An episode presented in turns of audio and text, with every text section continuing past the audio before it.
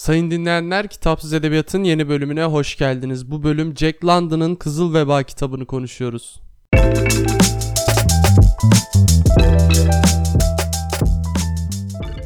Geçen hafta yoğunluğumdan dolayı bir bölüm gelmemişti. Beni düzenli olarak takip eden dinleyicilerimden bunun için özür dilerim. Fakat bu bölüm Jack London'ın Kızıl Veba kitabını konuşuyoruz. Kendisi distopik bir kitaptır. Bilim kurgu öğelerine de yer vardır içerisinde. Kitap kısaca şöyle özetlenebilir ki bu özetlemeyi de kitabın içerisinden bir alıntıyla yapacağım. Kızıl ölümün gelmesiyle birlikte dünya mutlak ve geri dönüşsüz olarak dağıldı, paramparça oldu. 10 bin yıllık kültür ve uygarlık göz açıp kapayıncaya kadar yok yok oldu. Köpükler gibi uçup gitti. Ki gerçekten böyle nedeni bilinmeyen bir hastalıktan dolayı dünya 2013 yılında Jack London'ın yazdığına göre bu vebaya, kızıl vebaya veya kızıl ölüme tutuluyor ve insanlar çok hızlı bir şekilde önlenemez bir şekilde ölüyor ve dünya nüfusunun hemen hemen hepsi gidiyor. Çok az bir insan kalıyor. Kitapta geçmişi anlatan Grantser yani James Howard Smith adlı yaşlı bir profesörün ağzından aktarılıyor olaylar. Kendisi sağ kalanlardan biri. İlk önce 400 kişilik bir grupla yola çıkıyor daha sonrasında 47 kişilik bir gruba düşüyorlar. Diğerlerinin hepsi kızıl vebadan ölüyor. Kendisi kalıyor ki bu büyük ölümlerden sonra dünya nüfusunun hemen hemen bitmesinden sonra gerçekten çok yalnız bir hayata mahkum kalıyor.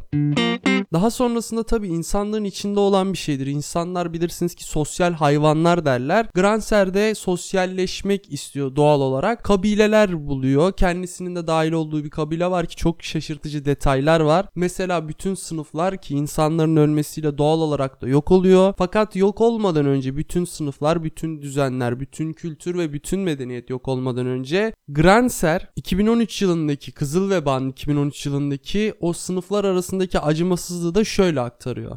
Yönetici sınıf olarak tüm topraklara, ormanlara her şeyi bizim sahip olduğumuzu söyledim ya. Biri yiyecek bulur ama bize vermezse ya onu cezalandırırdık ya da aç bırakıp ölmesine neden olurduk. Zaten çoğu böyle yapmazdı.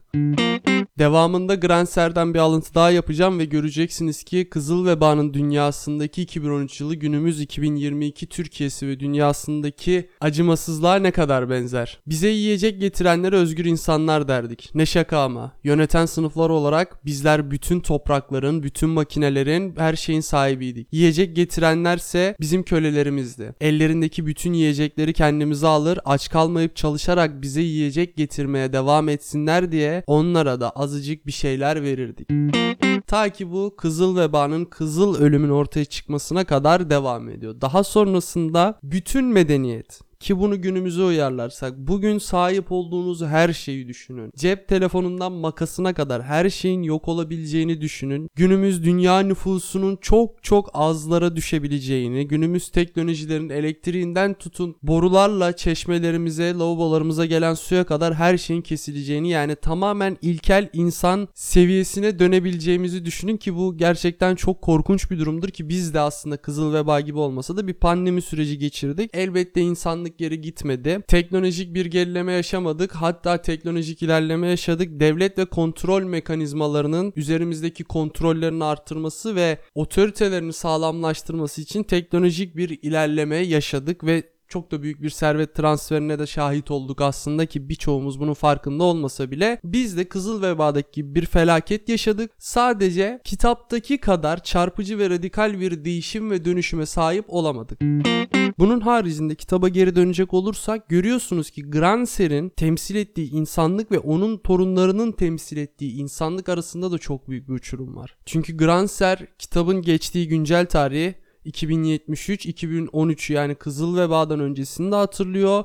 Yaptığı karşılaştırmalar o zamanın dünyasına ait anlattığı şeyler ki bizim bugünkü dünyamıza da benziyor ki biz de 2013 yılına gördük ve torunlarının yani 2073 yılındaki torunlarının düşünce yapılarından tutun konuşmalarına kadar ne kadar büyük farklılıklara sahip olduğunu görüyorsunuz ki burada bilim, sanat, kültür daha demin Granser'den iki tane de alıntı yaptım. İlerleyen dakikalarda yine yapacağım. Ama ondan önce şunu düşünmenizi istiyorum. Hani en azından ben düşünüyorum bazen bir zaman makinesine sahip olsam ve geçmişe gidip savaşlara katılsam tabii ki de modern silahlarla veya geçmişe gidip işte şu kişiye sakın bunu yapma sonucu bu olacak dikkatli ol demek hep aklımda olan bir şey ve hayalini bazen kurduğum bir şey. Sizin de şu an öyle bir hayal kurmanızı istiyorum. Bu bölümü ne zaman dinliyorsanız o günü düşünün ve bir anda hiçbir şey olmadan daha hayvancılık ve tarıma yeni geçmiş bir toplum içinde kendinizi bir hayal edin ve yaşadıklarınızı düşünün. İşin en kötüsü de geriye dönme şansınız yok medeniyet tamamen çökmüş ve yok olmuş bir durumda. Bu olabilir mi? Günümüz şartlarında en azından bildiğimiz kadarıyla şu an öyle bir şansımız yok ama gelecekte belki böyle bir zamanda yolculuk mümkün olabilir ki zaman makinesi bölümünde de bunu konuşmuştuk. Olursa elbette ki çok zorlayıcı olur ki işin en kötü tarafı şunu da düşünmenizi istiyorum. Bir sıkıntı sonucu bu Covid de olabilir veya çok büyük bir savaştan sonra tüm medeniyetin çöktüğünü ve sizin sağ kaldığınızı düşünün. Tüm sevdikleriniz ve elinizde olan her şey zamanla yok oluyor. Tabi Granser'in iyimser tarafı da var ki insanlığın tekrardan eski düzeyine ulaşacağına inanıyor ki bunun içinde bir mağarada da kitaplar saklıyor. Tabi bu çok uzun yıllar alır. Günümüz medeniyetine de ulaşmak için çok büyük savaşlar verdik. Çok fazla kan döküldük. Biliyorsunuz tarihte yine böyle İspanyol gribi, kara veba gibi olaylardan dolayı insanlar kırılmıştı. Ve burada Jack London'ın değindiği bir nokta çok güzel. Yine daha demin Granser'den yaptığım bu sınıflar arasındaki çatışmadan yola çıkarak insanlığın aslında bugünkü medeniyete ulaşmasının, nüfusa ulaşmasının en büyük etkenlerinden biri de yiyeceğe olan erişimin kolaylaşması. Bugün hala daha bu mevcut ama bugün bile yiyeceğe ulaşmamız bizi ve insanlık nüfusunu büyük ihtimalle geri götürecek şeylerden biridir ki Gelecekte de bildiğiniz üzere dünyamızı bir kıtlık beklediği söyleniyor ki kuvvetle muhtemel. Kaldı ki bugünkü medeniyetimiz bir anda çökebilir çünkü her şey pamuk ipliğine bağlı. Bugün sahip olduğumuz ihtişamlı medeniyet bir anda yok olabilir. Bunu da yine bir alıntıyla destekleyip bölümü de sonlandıralım. İnsanın bu dünyadaki bütün çalışması köpükten öte bir şey değil. İnsan kendine faydası olacak hayvanları evcilleştirip düşmanca davrananları yok etti toprağın yabani bitki örtüsünü temizledi. Ama sonra insan yok oldu ve ilkel hayat geri dönüp onun elleriyle yaptığı her şeyi sildi süpürdü. Arazileri orman oldu, tarlaları yabani otlarla doldu. Sürülerini yırtıcı hayvanlar yedi. Baksanıza Cliff House sahilini bile kurtlar basıyor. Bu düşünce onu dehşete düşürdü. Bir zamanlar 4 milyon kişinin gülüp eğlendiği buralarda şimdi kurtlar geziniyor. Yabani tohumlarımız tarih öncesi dönemlerden kalma silahlarla bu koca dişli yağmacılara karşı kendilerini savunuyor. Bir düşünün. Hepsi de o kızıl ölüm yüzünden. Dediğim gibi bugün sahip olduğumuz medeniyet tamamen pamuk ipliğine bağlı.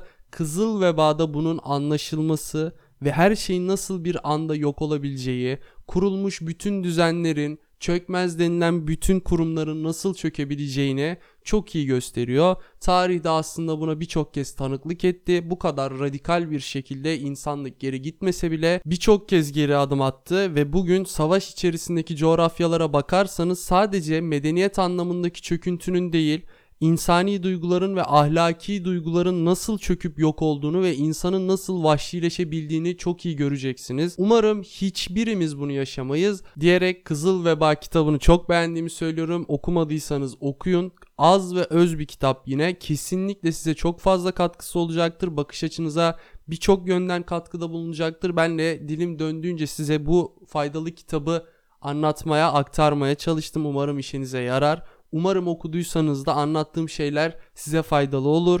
Bu bölümlük benden bu kadardı. Haftaya görüşmek üzere. Kendinize iyi bakın. Sağlıcakla kalın.